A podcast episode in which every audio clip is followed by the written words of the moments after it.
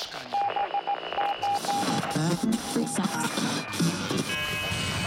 Odsłuch społeczny.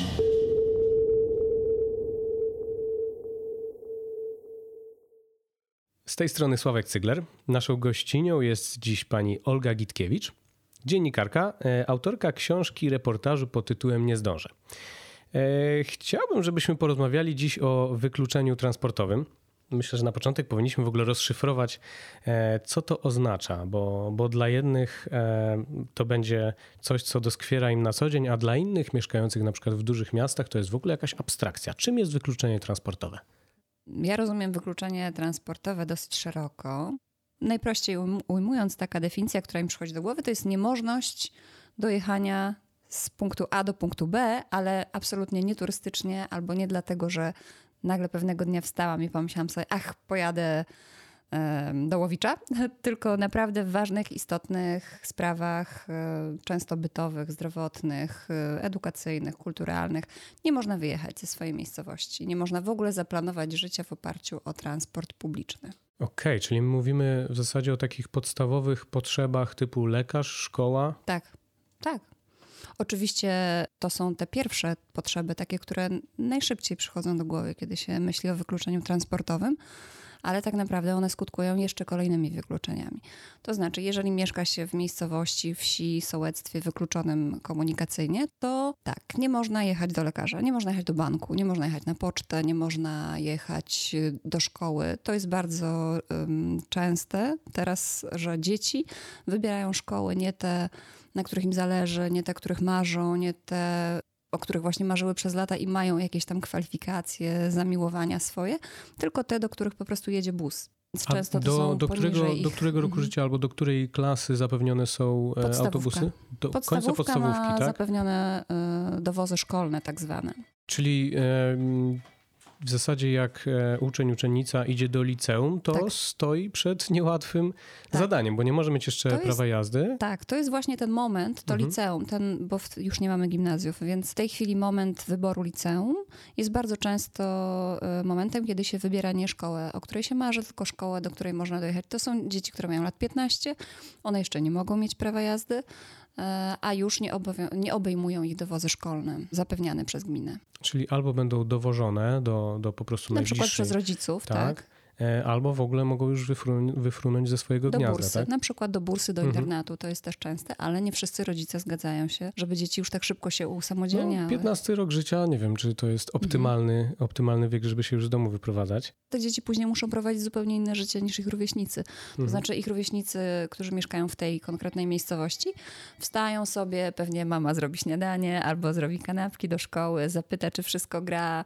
wracają do domu, w którym też ktoś na nich czeka, albo za chwilę schodzi się rodzina a taka bursa to jest właściwie no, taka rzeczpospolita nastoletnia. To znaczy mhm. tam dzieciaki muszą same się ogarniać od rana do wieczora. Czyli w zasadzie można powiedzieć, że już na starcie to, jakich wyborów dokonają, gdzie, gdzie będą mieszkać, do jakich szkół pójdą, to wszystko jest zdeterminowane przez ten problem wykluczenia transportowego, o którym my na co dzień może tak nie myślimy, szczególnie ci, którzy mieszkają tak, w dużych, w dużych miastach. miastach nie myślimy. Mhm. Oczywiście to się zaczyna jeszcze wcześniej, bo na przykład pomyślmy o zajęciach dodatkowych, o różnych kółkach e, zainteresowań. One już w podstawówce w niektórych regionach, uczestniczenie w nich jest utrudnione, ponieważ właśnie autobus szkolny odjeżdża o 14 powiedzmy, a kółka zaczynają się 14.20.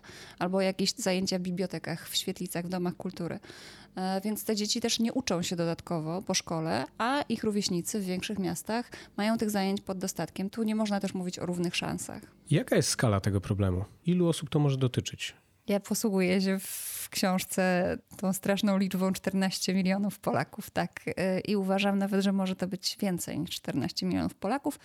Ja tę liczbę podaję za klubem jagiellońskim, który mhm. zbadał to kilka lat temu, sprawdzając, która gmina organizuje transport publiczny, a która gmina nie organizuje. Mnożyli to przez liczbę mieszkańców i wyszło te 14 milionów. Przy czym trzeba zaznaczyć, że te 14 milionów to nie są osoby mieszkające na terenach, na których kompletnie nic nie jeździ.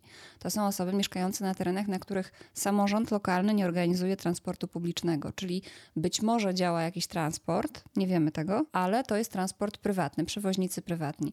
Przewoźników prywatnych właściwie nikt nie kontroluje poza tym, że wydaje się im pozwolenia na działalność. No i oni jeżdżą, potem przestają jeździć, y, likwidują kursy, pojawia się nowy przewoźnik. To jest absolutny brak regulacji, brak pewności.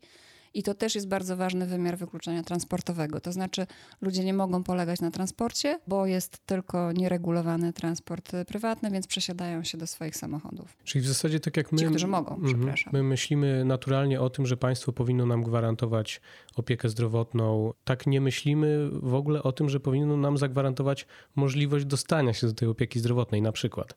Tak. Czyli w zasadzie to jest problem, który leży u podłoża i niezależnie od tego, czy my sobie dobrze zorganizujemy edukację, czy, czy właśnie służbę zdrowia, to musimy po prostu gdzieś tam jakoś tam dojechać, prawda? Tak, i wejdźmy już na te powiedzmy poziomy wyżej, czyli na przykład kultura. Narzekamy w Polsce, że jest bardzo niski poziom czytelnictwa. Jak ludzie mają przyzwyczajać się do czytania książek, jak nie mogą dojechać do biblioteki albo do mhm. większego e, miasteczka, gdzie mogliby może sprawdzić, jakie są nowości w księgarni. E, do teatru, do kina. Słyszałam to bardzo, bardzo wiele razy w czasie pracy nad książką, że były całe pokolenia dzieciaków, które wychodziły wcześniej z teatru albo z kina, bo taki był pociąg, taki był autobus. Więc wykluczenie komunikacyjne ma też jeszcze jeden taki e, wymiar. Chodzi w ogóle o sensowność połączeń, o dopasowanie ich do, do trybu życia ludzi, którzy z tego transportu korzystają. Najczęściej w Polsce jest tak, że to ludzie dopasowują sw swoje plany, swój styl życia, swoje w ogóle marzenia do tego, jaki mają autobus lub ewentualnie pociąg, jeśli gdzieś jeździ pociąg a nie do tego, co naprawdę chcieliby w życiu zrobić. No właśnie. A okazuje się, co wynika z e, raportu Rzecznika Praw Obywatelskich, że dwie trzecie gmin w ogóle nie uważa, że powinno dofinansowywać transport tak. publiczny. E, wyobraźmy sobie, że takie podejście ma na przykład miasto Warszawa, że nie dofinansowuje mhm. transportu to przecież byłaby kompletna katastrofa. My w tej chwili płacimy jakieś 30% realnej wartości mhm. przejazdu, jeśli kupujemy bilet w warszawskiej komunikacji miejskiej. Jak to jest, że niektórzy uważają, że to jest obowiązek samorządu czy miasta, a niektórzy tak nie uważają i po prostu nie organizują tego transportu? Hmm, ja mam taką teorię, że akurat Warszawa ze wszystkich miast w Polsce wydaje najwięcej. To jest uzasadnione wielkością, to jest też stolica. Wydaje największy procent swojego budżetu na, na y, organizowanie komunikacji. Mm, ale jeżeli spojrzymy sobie na mapę Polski, to widać wyraźnie, że transport jest organizowany w miastach, w dużych miastach, miastach na prawach powiatu. Dlaczego? Dlatego, że tam jest prezydent albo burmistrz i oni są gospodarzami tego terenu. I tu rzeczywiście przywykliśmy już do takiej myśli, że ta komunikacja musi być w miastach. ona nie musi być taka jak w Warszawie, co trzy minuty albo co pięć. Czasem będzie co godzinę albo co półtorej, ale że jakaś jest.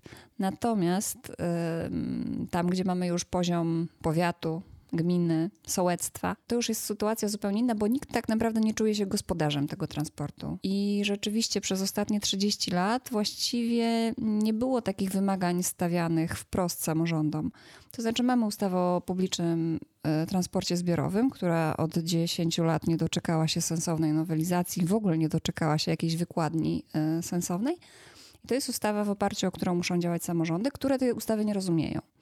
To znaczy, ja rozmawiałam z wójtami, rozmawiałam z pracownikami urzędów gmin i oni, w zależności od tego, czy to był styczeń, czy to był luty, czy to był marzec, czy może to były wakacje, słyszałam na Mazurach, że my nie mamy obowiązku. Gdzie indziej słyszałam, no tak, my mamy obowiązek, ale w sumie nie wiemy jak. Jeszcze inni mówili, moglibyśmy się połączyć w jakiś związek gmin, ale chyba nie możemy. Więc jeszcze poziom takiej legislacji w Polsce to jest też bardzo szeroki problem. No cóż, no dobrze, ale mhm. problem jakoś tam się pojawił w e, kampanii tak. wyborczej. Tak. Były zapowiedzi najpierw chyba w ogóle półtora miliarda na dofinansowanie tak, tak połączeń. Później ta kwota topniała do 800 milionów. Ale ja byłam milionów. na takiej konferencji, gdzie przyszedł e, jeden z podsekretarzy stanu w Ministerstwie Infrastruktury i powiedział, że ta że ta pierwsza kwota to w ogóle jakieś były plotki, że one nigdy nie padły. tak. E, padły czy nie padły, później ta kwota się zmniejszała. Finalnie chyba zmniejszyła się do 300 kilku milionów złotych i wiemy już, że 6% z tej kwoty zostało wykorzystane. Mhm. Czyli co, nawet jeśli e, z góry mogą iść pieniądze, to samorządy i tak nie będą chciały z nich skorzystać? Czy to wynika z lenistwa tych samorządów, czy właśnie tego, że, że nikt się nie czuje prawdziwie gospodarzem? To chyba nie wynika ani z lenistwa, ani trochę z tego, że nie czują się gospodarzem. E, kiedy ja pytałam o tę ustawę związaną z dopłatą z funduszu autobusowego, Mm, Słyszałam taką odpowiedź, że oni i tak nie mają pieniędzy, bo gmina rzeczywiście musi sfinansować tam minimum 10% ym, kosztów związanych z organizacją tego transportu. Natomiast e, tak naprawdę ja mam wrażenie, że to jest jednak kłopot mentalny. To znaczy, tak jak my tutaj w dużym mieście, jak słyszymy wykluczenie komunikacyjne, to to jest po prostu taka chmurka, która z niczym się nie kojarzy. Tak jednak w regionach, które są wykluczone komunikacyjnie, również urzędnicy lokalni często nie wierzą, że to jest rzeczywisty problem ich mieszkańców. Ja bardzo często słyszałam, u nas tego problemu nie ma. U nas ludzie sobie radzą. E, U nas ludzie mają samochody. Mało tego, byłam całkiem niedawno w jednej z dużych telewizji i spotkałam tam w studiu mm, poza anteną jednego z posłów i on powiedział właśnie, że to jest niemożliwe, żeby 14 milionów ludzi w Polsce było wykluczonych komunikacyjnie i że sam jest z takiego regionu, gdzie nic nie jeździ, ale ludzie mają tam samochody i to znaczy, że społeczeństwo się bogaci. No wzruszające. Dobrze, no to przejdźmy w takim razie do zasadniczego pytania. Co zrobić? W jakiej perspektywie czasowej? Albo jak to wygląda w innych krajach? To, to nawet w Czechach funkcjonuje. Tak. E, transport. Znaczy nawet nie ma co mówić nawet. U nich po prostu to Tak, funkcjonuje. przepraszam. Tak. Są rozkłady jazdy, które nie są zmieniane. Ludzie mogą polegać na tej komunikacji. Wiedzą, e, że to na pewno przyjedzie, że przyjedzie punktualnie. Od czego my powinniśmy w ogóle zacząć? Zaczęliśmy już na pewno mówić i to jest dużo. To rzeczywiście jest problem, który wybrzmiewa ostatnio bardzo mocno. Natomiast e, myślę, że powinniśmy zacząć od myślenia systemowego. To znaczy na przykład kolej. Owszem, została bardzo, bardzo, została obcięta siatka połączeń, spadła liczba pasażerów. Ona teraz zaczyna znowu wzrastać e, w porównaniu tam do lat 90. czy 80., ale e, kolej jest jakimś systemem. On ma dziury, on ma wyspy, on ma jakieś swoje tąpnięcia, ale to jest system.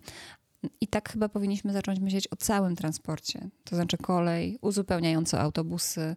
Jeżeli myśleliśmy o tym, że mamy kolej, tę tak zwaną dalekobieżną intercity, ale lokalnie powołujemy spółki marszałkowskie, które będą e, miały koleje tam wielkopolskie, koleje e, dolnośląskie, mazowieckie i tak dalej, no to może warto zastanowić się tam, gdzie nie dojeżdża kolej, powołajmy może podobnego rodzaju zakłady, czy jakkolwiek to nazwać, doty- związane z autobusami, z przewozami autobusowymi. Poza tym to nie zawsze muszą być duże autobusy. To mogą być mniejsze autobusy. To mogą być w ogóle jakieś rozwiązania, o których w Polsce myślę mm, nasi rządzący w ogóle jeszcze nie zaczęli myśleć, czyli na przykład taksówki. To znaczy, że gmina refunduje przejazd taksówką na terenach, na których po prostu nie opłaciłoby się wysłać dużego autobusu, bo to pojadą dwie osoby. A takie dwie osoby będą mogły kasować bilet w taksówce, czy zostawić równowartość biletu komunikacji e, lokalnej, a gmina zrefunduje na przykład takiemu taksówkarzowi e, ten koszt. Nawet No, jest bardzo dużo e, rozwiązań za granicą, z którym moglibyśmy się zacząć przyglądać. Nawet w, Kra- w Krakowie funkcjonuje coś takiego jak autobus na telefon, gdzie właśnie w mniej popularne miejsca może przyjechać mały busik. W Warszawie z kolei miejski transport osób niepełnosprawnych też działa na zasadzie po prostu rezerwacji dedykowanego kursu, czyli jakby o tym transporcie moglibyśmy myśleć w skali kraju, tak trochę tak jak myślimy w skali miasta, czyli tym kręgosłupem tak. jest metro i tramwaje, uzupełniające są autobusy. Podobnie mogłoby to wyglądać w kraju, ale do tego niezbędne jest uświadomienie sobie przez rządzących, jest- że tak. to trzeba w ogóle zorganizować, to trzeba dofinansować, prawda? Też zrozumieć, że to rzeczywiście jest potrzeba i że to, że na przykład uruchomimy jakiś autobus, jakiś kurs w grudniu i w grudniu będzie bardzo niewielkie zainteresowanie, to nie powinno przekreślać szans istnienia tego autobusu, bo ludzi trzeba do transportu przekonywać. E, Jeżeli przez ostatnie 20-30 lat nie mogli na nim polegać, to nie tak łatwo będzie im się przesiąść e, do autobusu, czy właśnie zrezygnować z własnego samochodu, który wiąże się jednak z tą bezpośrednią wygodą. To potrzeba czasu i z tym też, e, to jest też bardzo ważne wyzwanie, żeby zrozumieć, że potrzebny jest czas. Że trzeba jakby przyzwyczaić Tak. Mhm. ludzi do tego, że w ogóle mają taką możliwość, pewną, punktualną, regularną. Też wielu moich rozmówców mówiło, że mm, oni czują się gorsi od ludzi, którzy jeżdżą samochodami. Ci, którzy jeździli busami, mówili, że czują się gorsi. Więc tu też jest nam potrzebne takie przełamanie w myśleniu, że transport publiczny jest ok, on jest dla wszystkich. On nie jest tylko dla jakichś gorszych ludzi. A propos tych wszystkich i gorszych, przychodzi mi do głowy taki przykład. E, Ja swego czasu bardzo często, kilka razy w tygodniu jeździłem na trasie Warszawa-Kraków. Jeździłem głównie Interregio za naprawdę e, nieduże pieniądze. Wtedy pociąg jechał około 3 godzin. To było jeszcze przed tym przełomem, kiedy, kiedy najszybsze pociągi zaczęły jeździć 2 godziny kilkanaście minut. Natomiast teraz ta, e, ten szlak jest całkowicie zdominowany przez wygodne i komfortowe, ale też bardzo drogie pendolino. Zastanawiam się, czy to też nie jest swego rodzaju e, wykluczenie, kiedy my na takiej popularnej trasie, o ile nie upolujemy biletu miesiąc wcześniej, a one się rozchodzą dosłownie w kilka minut po północy, musimy płacić 150 czy 130 zł za pendolino i tak naprawdę aż się prosi, żeby wygrać, wy, wybrać busa, którego możemy mhm. zabukować już za kilkanaście, dwadzieścia czy trzydzieści złotych. Więc okazuje się, że nawet jeśli rządzący przekonali się do tego, że powinniśmy wspólnie zrzucić się na większy komfort, mhm. częstotliwość, to i tak jesteśmy w pewnym sensie wykluczeni, bo robi się to troszkę taki szlak dla bogatych. No tak, Pendolino jest takim pociągiem, który dzieli ludzi na warstwy. E, dla mnie bardzo to jest wyraźne. W ogóle w transporcie to widać, że my się często ekscytujemy tym właśnie, że mamy Pendolino, że wyremontowaliśmy na super jakiś peron ale nic przy nim się nie zatrzyma, tak? To chodzi o to, żeby te pociągi jeździły, żeby one były punktualne, żeby można było na nich polegać. To samo dotyczy autobusów zresztą. Natomiast e, później rzeczywiście przychodzi kwestia komfortu, elektronicznych wyświetlaczy, jakichś bardzo nowoczesnych rozwiązań, ale przede wszystkim one muszą jeździć. To jest ta podstawowa sprawa, że nie ekscytujemy się tylko infrastrukturą. A jak to właśnie funkcjonuje w innych krajach? Czy mamy jakieś przykłady sukcesu, gdzie niekoniecznie przy wielkich rewolucjach transportowych ten system po prostu funkcjonuje? Nie będę mówić już o Szwajcarii. No ale w Czechach rzeczywiście nie jest potrzebna żadna rewolucja, dlatego że oni po prostu nie zrezygnowali w takim stopniu z kolei i z autobusów jak my. Czechach nie cięto siatek połączeń. Tam były ciągle te takie małe e, pociągi, te motoraczki lekkie. One nie rozjeżdżały tej infrastruktury w takim stopniu, jak te nasze bardzo ciężkie lokomotywy i Nawet pociągi. wynotowałem sobie coś takiego, mhm. że w Polsce jest 100 miast powyżej 100 tysięcy mieszkańców bez połączenia kolejowego, a w Czechach jest jedno takie miasto. Tak. Czyli oni po prostu z tego mhm. nie zrezygnowali nigdy. Nie tak? zrezygnowali, tak. Oni, e, kiedy nam w latach 80. się jeszcze nie mieściło w głowie, że w ogóle jakiś taki lekki niby tramwaj, pociąg, to nie, nie, nie. Nasza kolej była taka mocarstwowa, taka ciężka. To Czesi już stawiali na te lekkie wagony i to u nich się sprawdza. Mm, zresztą można też spojrzeć na mapę Czech pod względem e, dostępu do stacji kolejowej. Tam w większości przypadków ludzie mają nie więcej niż dwa kilometry do najbliższej stacji kolejowej. E, albo tam no pięć to już, ale naprawdę te, te, te stacje są gęste, a u nas są rejony, gdzie kolej zaczęła znowu działać świetnie. Tak jest na Dolnym Śląsku, tak jest w okolicach tam w Poznaniu aglomeracja poznańska, e, Trójmiasto, coraz lepiej Warszawa oczywiście i ten obważanek, ale są rejony, gdzie nie powołano spółek marszałkowskich i gdzie no, dalej jest kolej szuwarowo-bagienna po prostu, czyli coś tam przyjedzie czasem rano i może odjedzie po południu. A coś może mieć 14 tysięcy minut opóźnienia, tak? tak? Czy 1400? 1400.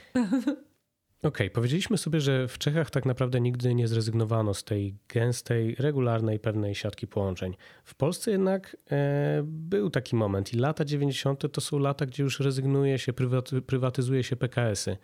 E, to się wydarzyło w skali no, niewyobrażalnej. W zasadzie, mhm. w zasadzie wszystkiego się pozbyliśmy, można powiedzieć. Wszystko poszło w ręce prywatne i tam, gdzie szlaki są rentowne, tam to dalej funkcjonuje. Ale tam, gdzie to nie było tak opłacalne, po prostu nic nie jeździ. Mhm. Dlaczego, dlaczego tak bardzo uwierzyliśmy w tą prywatyzację?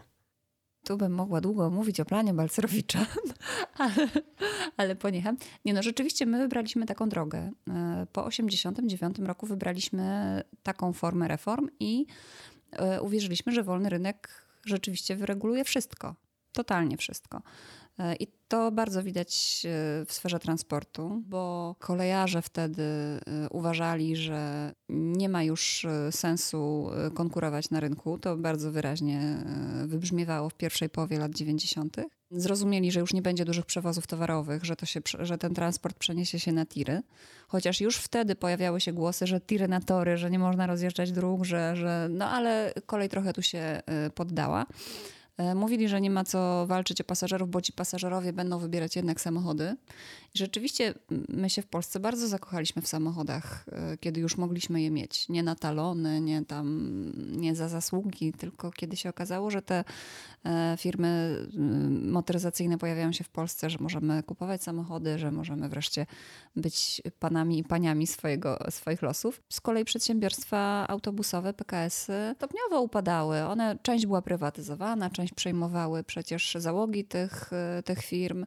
Część próbowała jeszcze jakoś działać, ale bez narzędzi y, osłony rynku to się nie mogło udać. To nie mogło się udać w, takim, w takich warunkach, że na przykład działa jeszcze jakiś lokalny PKS, i on ma kurs y, o 7.30 i nagle pojawia się prywatny przewoźnik, który ma trochę nowszy autobus albo jeszcze mniejszy busik na przykład i podjeżdża o 7.24 i zabiera wszystkich. A później przyjeżdża ten duży autosan PKS-u, który już nie ma kogo zabierać. To jest w ogóle ciekawe, że e, w zasadzie to, co teraz państwo robi, żeby ten transport dofinansować, zorganizować, to jest pokrycie tych ulg ustawowych. Mhm. E, rocznie Polska wydaje 660 milionów złotych na pokrycie właśnie tych ulg ustawowych, ale nie ma żadnego wpływu na siatkę połączeń, tak. na jakość tej oferty, mhm. czyli po prostu dotujemy coś, nad czym nie mamy kontroli, prawda? Autobusowy transport w Polsce to jest coś, nad czym kontroli nie ma. Rzeczywiście, nikt. Gdzieś tam lokalnie są takie wysepki, tak jak Lipno, to jest już taki sztandarowy przykład, y, Powiatowy Zakład Transportu y, Publicznego w Lipnie, ale w Polsce mamy naprawdę wiele miejsc, gdzie no, jest absolutna wolna amerykanka albo nie ma nic. Y, chociaż, ponieważ temat transportu publicznego i w ogóle wykluczenia transportowego wybrzmiewa. To na przykład ja mam w książce taki rozdział o y, okolicach Lublina. Tam jest bardzo dużo przewoźników, kilkunastu przewoźników i tam często jeżdżą autobusy. Natomiast to, że tam często jeżdżą autobusy, to nie znaczy, że jest super, bo na przykład y, jest fatalna jakość tych kursów i ludzie się na to skarżą. E, ludzie skarżą się na to, że z nienacka się krzesła rozkładają, na których siedzą, albo drzwi w autobusie się nie domykają, albo że kierowca jest opryskliwy, albo że w ogóle nie zajeżdża do niektórych wiosek, bo wydaje mu się, że nikt tam akurat nie będzie czekał, albo już się śpieszy do domu. E, I nad tym też nikt nie panuje, nikt nie może tego właściwie skontrolować i zmienić. E, ale wiem, że mieszkańcy tej okolicy pod Lublinem skrzyknęli się, zawiązali stowarzyszenie w celu obrony lokalnej komunikacji. Oni piszą petycję e, do powiatu i nawet zdaje się do marszałka, że domagają się e, kontroli nad, e, nad kursami, nad, w ogóle kontroli nad regulacjami dotyczącymi lokalnego transportu. E, czyli że chcieliby wiedzieć właśnie, jakie są rozkłady jazdy, jak będą zmiany, to oni chcą wiedzieć wcześniej. E, chcą e, mieć zintegrowane mniej więcej połączenia, czyli żeby to nie było tak, że nie wiem, rano coś odchodzi, później nic długo, długo nie ma, tylko chcą po prostu systemowych rozwiązań i zaczęli się tego domagać. Czyli świadomość rośnie. Tak, Jest nadzieja, tak, że faktycznie tak. temat będzie bardziej na mhm. tapecie, mhm. prawda? I to powinien być pierwszy krok do tego, żeby, żeby rządzący zauważyli problem, bo jak zobaczą to w sondażach, to mhm. faktycznie zaczną chcieć coś z tym robić, prawda? Czyli tak. jest jak nadzieja? ludzie będą przychodzić do swoich e, przedstawicieli w powiecie, e, nawet w gminie i będą się domagać transportu, to rzeczywiście ten impact może, może coś tu zdziałać. No dobrze, teraz mhm. E, w Sejmie mamy kolejny projekt ustawy o transporcie publicznym. E, pytanie, bo wiemy, że jakby po raz wtóry e, ta ustawa e, jest, będzie nowelizowana. Pytanie, czy tam faktycznie mamy jakieś przełomowe zmiany, pomysły, czy to jest po prostu odłożenie chaosu komunikacyjnego o kolejnych kilka miesięcy? Mam wrażenie, że jak była teraz uchwalona ta ustawa tak zwana autobusowa, to ona była uchwalana w oderwaniu absolutnie od ustawy o publicznym transporcie zbiorowym, bo tam nawet niektóre zapisy się wykluczały. E, tak mówili samorządowcy. Potem e, na e, takim spotkaniu w Ministerstwie Infrastruktury się okazało, że one się nie wykluczają, tylko po prostu nie na wszystko trzeba zwracać uwagę. Ale jednak to, jak się jest samorządem, to nie jest tak łatwo nie zwracać uwagi na zapis o tym, że trzeba coś w BIP-ie ogłosić. A to jest ustawa, która od 10 lat czeka na swój czas. Tam zmieniają się zapisy, co rozumieć jako komunikację miejską, a co rozumieć jako, e, czy Związek Gmin może zawiązać swój zakład, czy Związek Powiatów. Ja tej ostatniej e, nowelizacji, tego ostatniego projektu prawnego nawet już nie przeczytałam, ponieważ one są zwyczajnie okropne. I z kimkolwiek bym nie rozmawiała, to nikt nie jest w stanie nawet przebrnąć przez to, czy się zamieniło miasto na gminę, czy się zamieniło komunikacja miejska na w ogóle jakąś inną e, komunikację To jest moim zdaniem to jest nieludzkie, to my robimy z ustawami, a zwłaszcza z tą ustawą. Jak możemy spróbować zmienić tok myślenia samorządów? Jak możemy je zachęcić, przekonać? Jak, jakich argumentów użyć, żeby zaczęły inwestować i, i rozwijać transport zbiorowy? Gminy mogą mówić, że nie mają pieniędzy. Jakimś argumentem jest też to, że nie mają specjalistów od transportu. To znaczy, w bardzo wielu gminach brakuje zwyczajnie takiego stanowiska, na którym e, pracowałaby osoba, która rozumie problemy lokalnego transportu. Najczęściej, jak w gminie jest wydział do spraw transportu, to tam jest specjalista, który się zajmuje drogami. To mnie bawiło bardzo, jak czytałam te, e, te strony urzędów. To jest taki paradoks, bo gminy bardzo narzekają na to, że mają słabe drogi, że muszą w te drogi dużo inwestować. E, a z drugiej strony cieszą się, że ludzie mają dużo samochodów, ale to te samochody rozjeżdżają te drogi. No to naprawdę w gminie opłaca się, żeby ludzie nie jeździli e, samochodami. Tak samo, e, jeśli chodzi na przykład o powietrze i w ogóle o zanieczyszczenie środowiska. To jest coraz poważniejszy problem, z którego w Polsce sobie nie zdajemy sprawy, mam wrażenie. To znaczy, mówi się o tym w niektórych dużych miastach, ale nie do wszystkich jeszcze dotarło, że za kilka lat będziemy mieć potężny problem. I oczywiście wszyscy się tam ekscytują normami, że są przekroczone i tak dalej, ale nie mają świadomości, e, że samochody też mają na to wpływ, że to nie są tylko piece i to nie jest tylko przemysł. To również transport e, ma tutaj swój udział. Poza tym demografia w Polsce jest niebłagana. My nie będziemy młodsi i nasze społeczeństwo nie będzie młodnieć. Będziemy coraz starsi i nie wszyscy będziemy w stanie jeździć samochodami, a nawet są już głosy, żeby po pewnym czasie weryfikować uprawnienia do y, możliwości y, prowadzenia samochodów osobowych. Więc y, zwłaszcza na terenach wiejskich, gdzie lokalni włodarze się bardzo skarżą na odpływ młodych ludzi i na to, że zostają u nich osoby starsze, to właśnie powinni mieć świadomość, że zwłaszcza u nich warto inwestować w ten e, publiczny transport, żeby nie mieć potem takich pełnych wiosek, które będą pełne ludzi starszych, chorych, e, którzy nie będą mogli dojechać do przychodni, którą pewnie sobie tam wybudujemy i oddamy z fanfarami, tylko nikt nie będzie do niej mógł później przyjść. Tak naprawdę już mamy taką sytuację, jeśli chodzi o osoby na przykład niepełnosprawne, które tak. w zasadzie nie mają żadnej pomocnej dłoni e, tak instytucjonalnie zorganizowanej i mogą być tylko zdane na swoją rodzinę która tak. może być bardziej lub mniej No jeżeli taka osoba nie, z niepełnosprawnością jest um, uczniem czy uczennicą jakiejś szkoły, to tak, to oby, oczywiście ma zapewniony e, dowóz, ale to też z tym się wiąże mnóstwo paradoksów. Na przykład e, rodzice jeżdżą z takimi dzieciakami e, takim kursem porannym do ośrodka rehabilitacji, ale później ten rodzic nie ma już jak wrócić. I to jest właściwie całkowite podporządkowanie całego swojego planu dnia bo spotkałam takie mamy, które e, na wsi gdzieś tam czekają e, w miejscowości gminnej, aż skończą się lekcje i będą mogły wrócić tym kursem, bo nic innego nie mają. Znaczy one jadą tym busem przystosowanym do przewozu osób e, niepełnosprawnych ze swoim dzieckiem, wysadzają je pod szkołą i potem parę godzin czekania. No, więc to też znowu nie jest system. Ale już, żeby tak nie apokalipsą jechać tylko, to mogę przykład, podać przykład też tych gmin, w których komunikacja działa sprawnie. Mm, a nawet coraz sprawniej. Tu mam na myśli na przykład Dewity i oni tam wyraźnie mówią, że oni zwiększają liczbę kursów, zwiększa im się liczba pasażerów, ale nie dokładają coraz więcej do komunikacji wcale.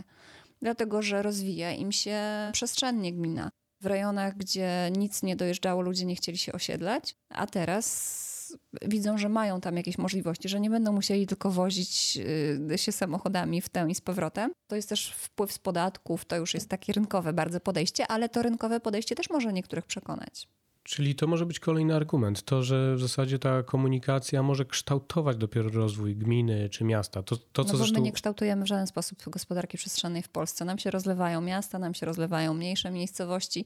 E, nikt nad tym nie panuje. Wszyscy by chcieli mieć działkę z prawem zabudowy, nieważne czy tam jest jakakolwiek infrastruktura pod tym lasem. I transport może tu trochę e, pomóc to, powiedzmy, ucywilizować. No dobrze, to tym argumentem i tym pozytywnym przykładem w takim razie może zakończmy. Dziękuję serdecznie. Naszą gościnią była dziś pani Olga Gitkiewicz, dziennikarka, autorka książki, reportażu pod tytułem Nie zdążę. Dziękuję serdecznie. Dziękuję. I z wami do usłyszenia w kolejnym odcinku podcastu.